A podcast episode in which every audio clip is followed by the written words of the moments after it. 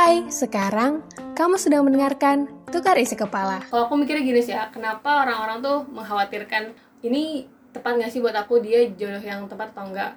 Kalau cewek ya, karena mereka takut dapet orang yang salah gitu. I mean kayak eh, banyak hal yang kayak suaminya ngebatasin terus. Nah, kalau dari aku sendiri nih ngelihat ya suami istri itu kan mereka partner ya, rekan strategis nggak sih? Jadi ya oke emang eh, istri kita harus siap untuk taat. Kalau menurut aku itu ya istri siap untuk taat ya, tapi suaminya juga harus tahu gitu. Ya istrinya ini harus dihargai disayangi dihormati juga gitu kan. Nah kalau kira-kira gimana sih pandangannya? Standing position suami istri tuh kayak gimana sih? Ya ini juga menjawab beberapa pertanyaan teman kita yang terkait kayak hal apa sih yang wajib didiskusikan sebelum pernikahan gitu kan. nah iya benar. Nah, karena ya tadi pertanyaan dari kamu tadi itu menurutku ya perlu dijawab itu di awal. iya Dijawab di awal mungkin sekenanya dulu nggak apa-apa. Mm-mm. Tapi nanti pendalamannya ketika semakin mendekati pernikahan dan juga ya pas nikahnya nanti pas ngejalaninnya gitu sih. buat nyamain frameworknya Iya iya buat buat framework juga bahwasanya ini isu yang perlu dibahas dan ini penting buat hidup gue gitu misalkan Hmm. dari si cewek ya dari si cowok harus nangkep eh, kode itu bahwasanya ya iya nanti gue fasilitasi atau misalkan eh, nggak bisa kita obrolin cari solusi lain nah itu tuh harus nantinya itu benar-benar dilaksanain loh gitu. Karena bisa jadi ya itu nanti nggak yang tadi yang tadi kata aku cuma dijawab doang kemudian gak dijalanin itu ya bisa jadi itu nanti jadi perhara rumah tangganya di situ gitu kan. Hmm. kayak yang eh, misalkan si ceweknya ngerasa terkekang gitu kan padahal pengen karir dan lain sebagainya Iya. ya itu sih mungkin. Kalau menurutku salah satu hal yang wajib didiskusikan ke pasangan sebelum nikah. Kalau aku ngerasanya nih ya kan eh, suami itu kepala rumah tangga ya. Hmm. kalau ya ibaratnya eh, di di mobil tuh ya dia drivernya kan. Dia yang megang kendali oh ini keluarga tuh mau dibawa ke mana sih? Terus istrinya itu jadi navigatornya ya nggak sih? Kayak kayak kita tulis di undangan tuh. Jadi navigator kan bukan berarti dia nggak cuma jadi penumpang yang ikut aja tapi dia juga punya hak eh, buat eh, megang kendali juga kan buat ngasih tahu arahan. Jadi ya sama-sama strategis lah nggak cuman oh suami ngasih perintah istri nurut. Nggak kayak gitu kan nah itu sih menurut aku poin pentingnya yang perlu dipahamin gitu. Jadi jangan sampai oh setelah menikah justru nyesel karena banyak hal-hal yang ternyata em, dia ngerasanya terbatasi gitu. Maksudnya buat cewek ya. Maksudnya gini Khawatiran. eh, dapat pasangan yang suportif itu ya tadi ya sebuah rasa syukur ya. Mm-mm. tapi pun gak suportif atau misalkan ada perbedaan yang akhirnya mendasar kemudian nggak bisa kita lakuin bareng atau ada satu hal yang cuma itu yang bisa kita lakukan gitu ya. Satu halnya lagi kemudian nggak bisa dilakukan minimal kooperatif. Hmm. kooperatif ini di sini menurutku minimal itu lo mau bahas ini dan ngomongin ini. Iya. meskipun harus berakhir dengan kecewaan misalkan dari salah satu orang tapi ketika itu sudah disampaikan dan dikomunikasikan dengan baik menurutku itu selesai itu masalah. Tinggal ke depan gimana cari solusinya gitu kan. Hmm. membayar kekecewaan itu. Ya itulah pinter-pinternya nanti anda menjadi suami.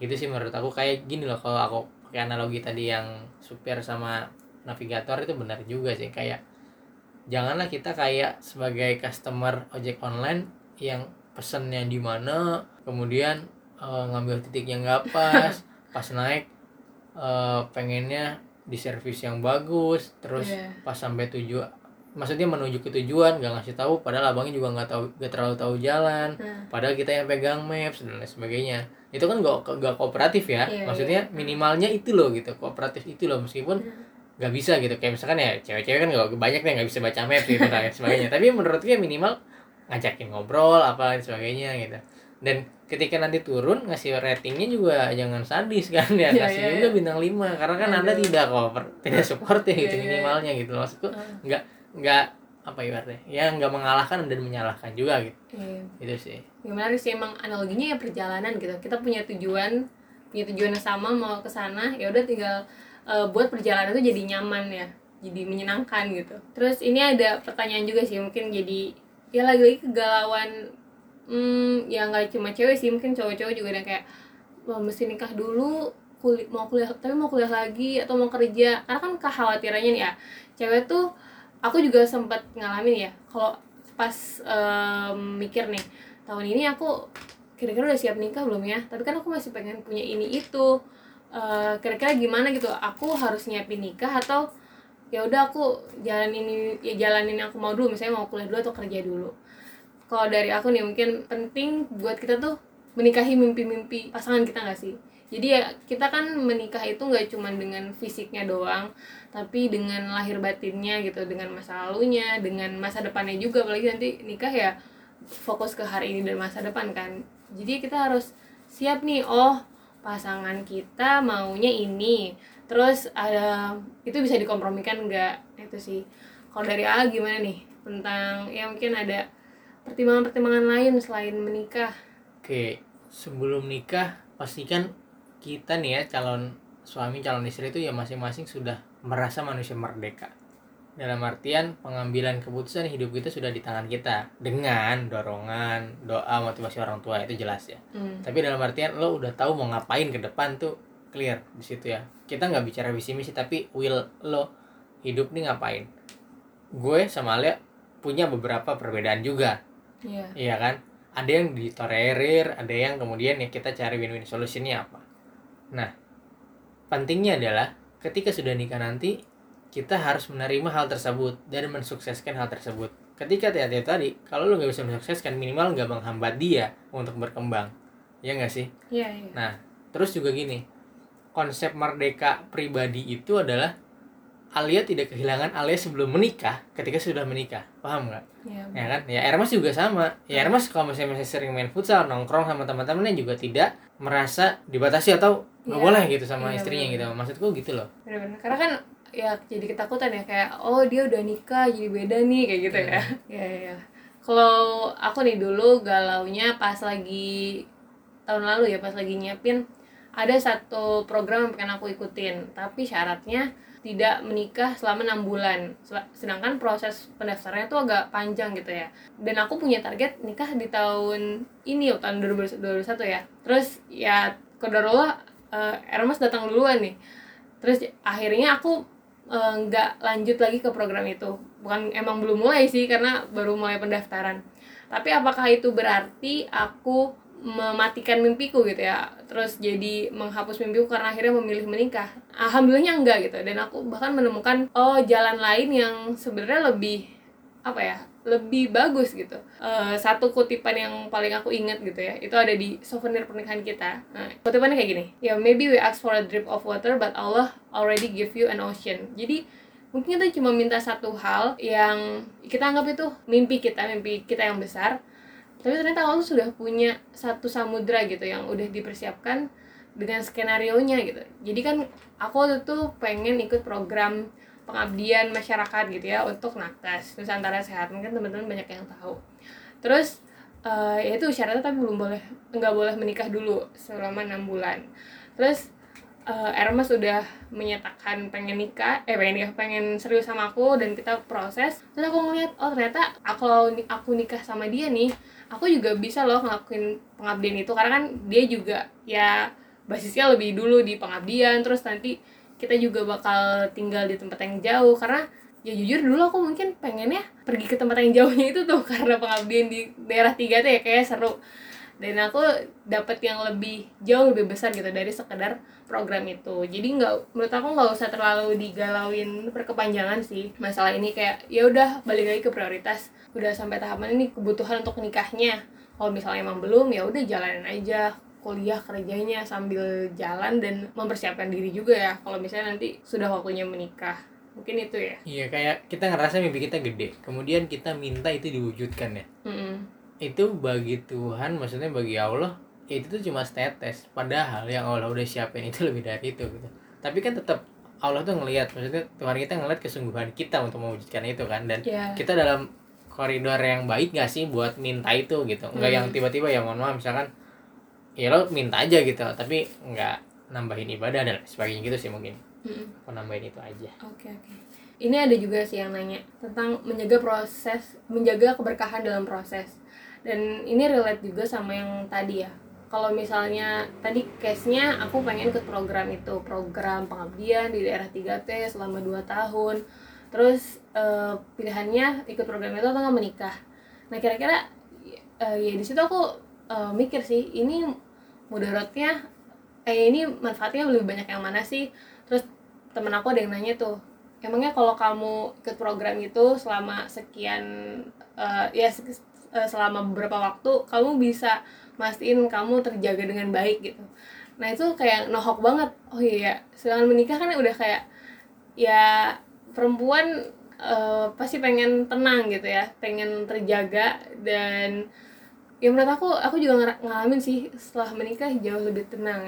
Ya kalau aku ngalamin kak apa lebih riuh lebih rempong? Saya sangat tenang Oh, dan menguasai berbagai medan pertempuran jadi ya. mantap. Jadi ya lebih tenangnya sih lebih ke ini kayak yang eh, jelas kalau kita bicaranya ya rantau itu Hmm. ya menurut aku ya buat pengalaman kita ya itu udah bukan sesuatu hal yang apa namanya eh, perlu dibicarakan karena masing-masing kita juga dulu kan ngerantau ya masing-masing jauh dari orang tua Hmm. kemudian struggle berjuang dan lain sebagainya tapi makna menemukan rumah dan tempat pulang ketika dalam keadaan capek lo di titik terendah tadi mungkin Alia bilang dan ada orang yang nerima itu sih lebih lebih lebih ke situ yang bikin tenang kayak yang ya jelek-jeleknya gue masih punya istri lah gitu kan yang mau nerima suaminya gitu gitu sih mungkin yang yang perlu dan patut disyukuri gitu. Oke oke. Nah ini kita mungkin bahas lanjut dari pertanyaan-pertanyaan yang masuk ya. Iya iya iya. Eh, gimana cara menjaga pros cara menjaga keberkahan dalam proses ini tadi lanjut yang tadi ya. Mungkin kalau dari ah gimana nih? Kalau bicaranya berkah kan nggak ada yang bisa ngukur ya manusia Iya. juga nggak bisa tapi tapi aku maksud gue gini Dirasakan. Hmm, iya kita pasti beda rasanya kalau misalkan yang mohon maaf ya ngomonginnya udah backstreet kemudian eh, memaksakan kehendak Hmm. nggak direstuin orang tua itu emang agak berat Nah itu ya. kadang gini kita sepakat ridho Allah wari ridho walidain. Iya. bahwasanya ridho Allah ya ridho orang tua. Hal yang pertama aku lakukan waktu mau nikah itu diskusi dan ngobrol sama orang tua bahwasanya aku pengen nikah. Ya ini juga mungkin sekaligus nih menjawab beberapa pertanyaan juga nih kayaknya nih tentang cobaan menuju proses pernikahan hal yang gak nyangka gitu dari nikahan. Hmm, kayak contohnya kayak pengalaman dari kakak aku dulu sudah tunangan kemudian satu bulan terakhir waktu mau melangsungkan pernikahan itu kecelakaan gitu, dan dan dan nggak jadi itu sampai hari ini kan sesuatu yang jadikan pelajaran buat kita semua itu cobaan kemudian eh, hal yang gak nyangkanya kayak tadi aku cerita tentang akhirnya kan gue dapet jodoh juga ternyata satu kelurahan coy sama gua di Garut kan Iya, kocak iya. juga kan Ternyata keluarga keluarga kita udah banyak kita yang kenal kenal, dibanding kita. kakek kita temenan di salah satu ormas Aduh. ya, partai om, om kita sahabatan. ada proyekan Alright.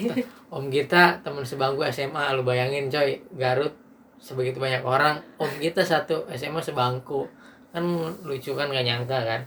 Nah terus eh, tadi balik lagi akhirnya kan kita dapetin ridho itu kan setelah orang tua ngelihat kita mampu. Bukan kita ngemis loh. Oke lo minta boleh tapi bukan Hmm. dalam artian ngemis terus gak ngukur diri bahwasanya lu bakal ngerepotin orang tua juga. Iya. ya kan? Karena bicara nikah itu bukan soal lu sama dia suka demen jalan bareng pulang ke rumah lagi enggak. Tapi ya udah lepas dari rumah masing-masing tuh kalian udah jadi keluarga berdua doang. Iya. ya kan? Tapi kalian mempersatukan dua keluarga besar. Iya. ya kan? Dua klan lah ibaratnya. Yang harus dipikirkan juga langkah ke depannya kayak gimana gitu. Pasca nikahnya silaturahmi jaga keharmonisan sistem simpelnya ya ngatur jadwal mudik gitu kan apa lain sebagainya gitu. Nah, maksud aku gitu loh.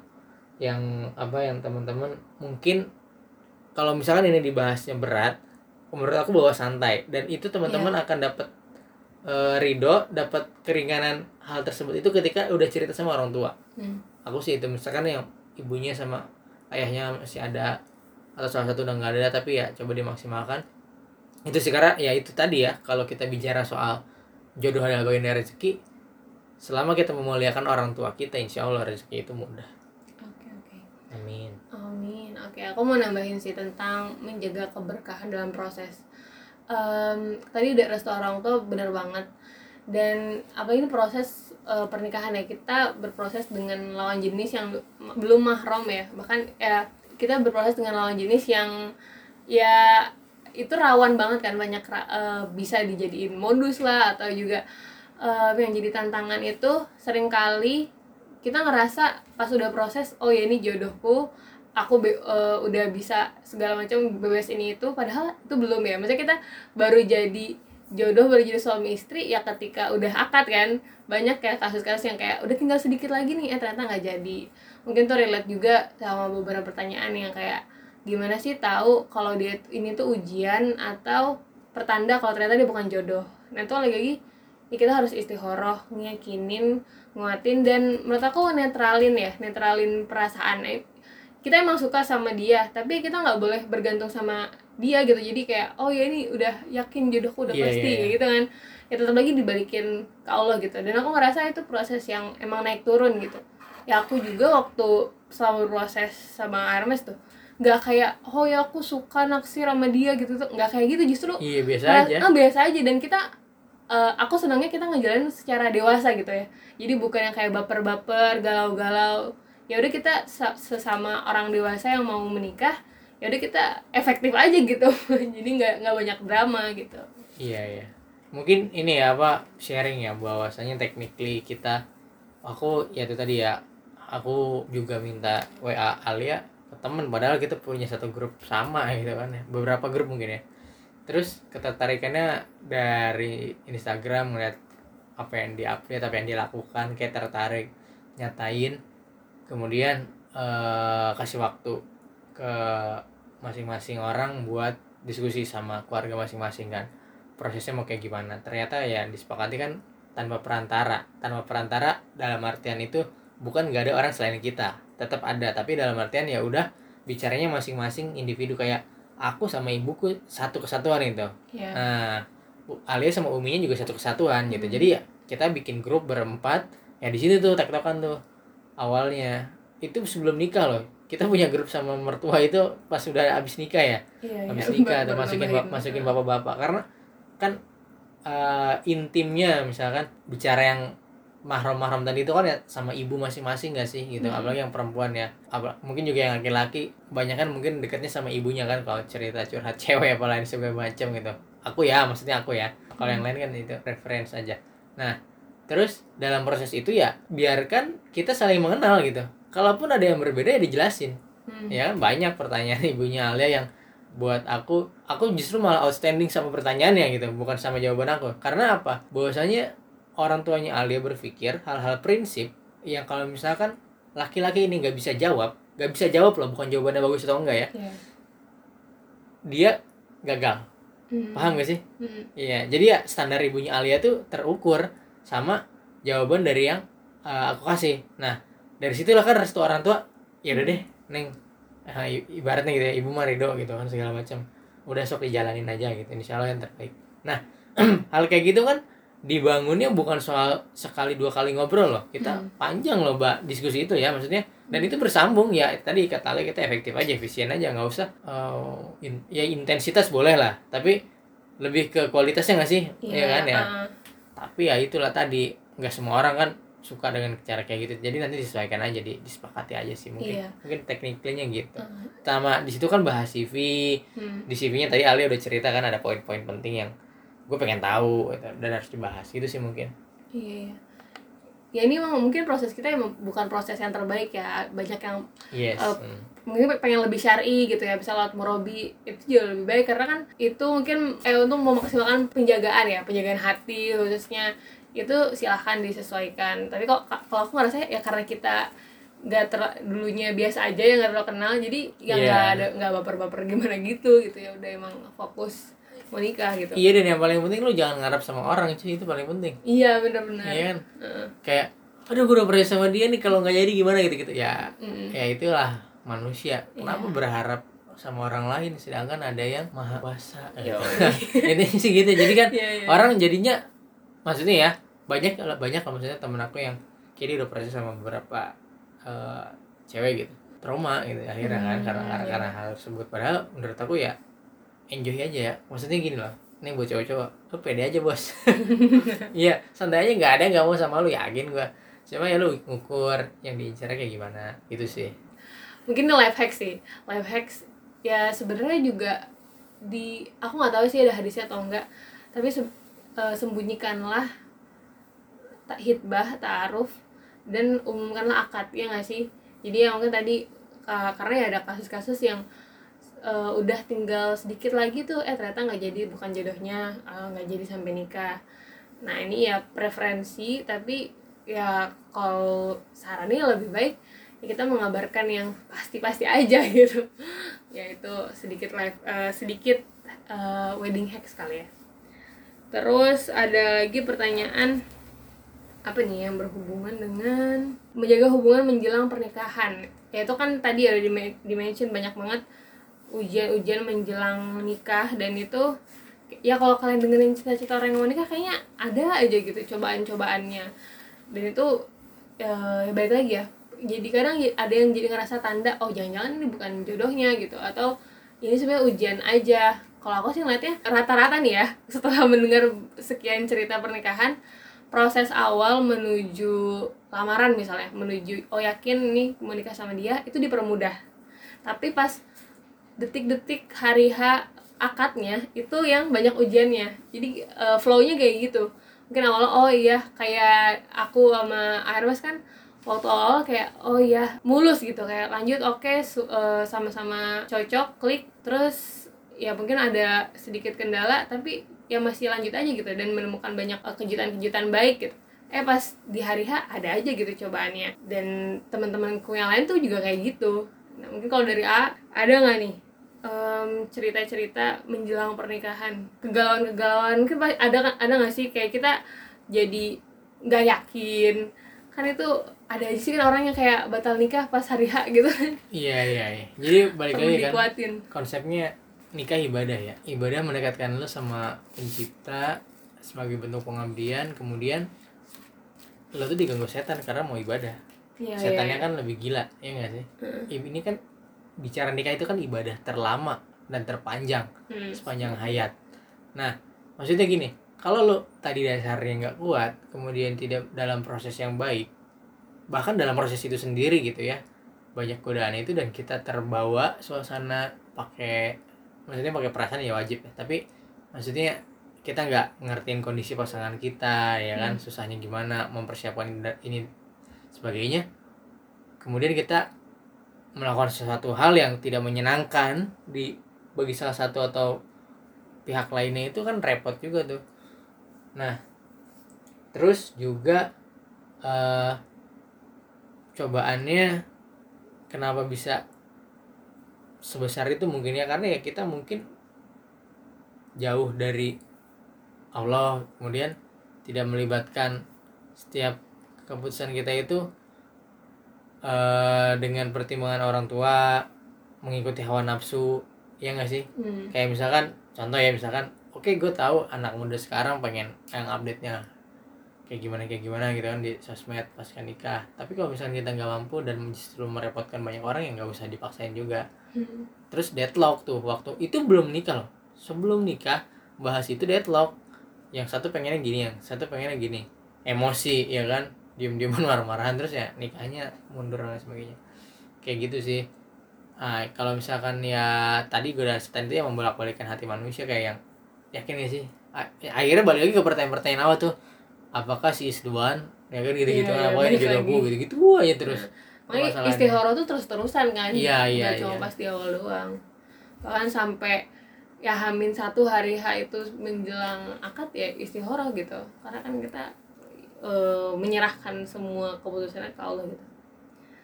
Oke lanjut nih. Hmm, ada pertanyaan. Mungkin ya terakhir lah ya. Pertanyaan problem solving apa aja sih yang ditanyain selama kita menikah gitu? Ya ini uh, mungkin kalau yang biasa kita kan pak selama proses tuh pengen lebih kenal sama calon ya. Jadi emang harus gak mesti lengkap detail banget tapi tergambarkan gitu ya. Kayak oh ini orangnya kayak gimana sih? Dia um, kalau marah itu kayak apa yang dilakuin itu kan bisa kebayang oh ini dia temperamen atau enggak terus kalau bete kayak gimana terus kalau aku e, kalau cewek mungkin sering nanyain dia um, ngizinin nggak istrinya buat bekerja? Itu selalu balik ke, ke concern kita sih. Misalnya aku disupport nggak sih kalau ngelakuin ini? Nah itu kan perlu kesepahaman bareng-bareng sebelum nikah. Pengen apa lagi ya yang pernah kita obrolin Iya pada intinya sebelum nikah samain framework ya. Iya diskusi. Uh, lo mau keluarga ke depan kayak gimana? Ya, ya bener, Tapi nggak harus dilaksanain juga. Hmm. Tapi lo terbayang bahwasanya ini harus dibahas dan ini prinsip biasanya kan ya. Iya iya. Dan itu sampaikanlah di awal saranku ya. Hmm. Karena kalau misalkan di tengah-tengah itu kaget, apalagi sifatnya yang mendasar ya. Hmm. Di latar belakangnya kan pasti yang kayak gitu kan ya mohon maaf ya sama pengalaman-pengalaman berat iya iya. di titik-titik terendahnya orang dulu gitu kan dan dan, dan itu kalau misalkan tiba-tiba pasangan kita nggak bisa terima itu dengan baik repot Hmm. Iya kan nah nah jadi saranku ya itu disampaikan di awal mending pahit di awal gitu jadi Iya, kalau iya. bikin teh manis gulanya nggak usah diaduk numpuk ya. Oke oke.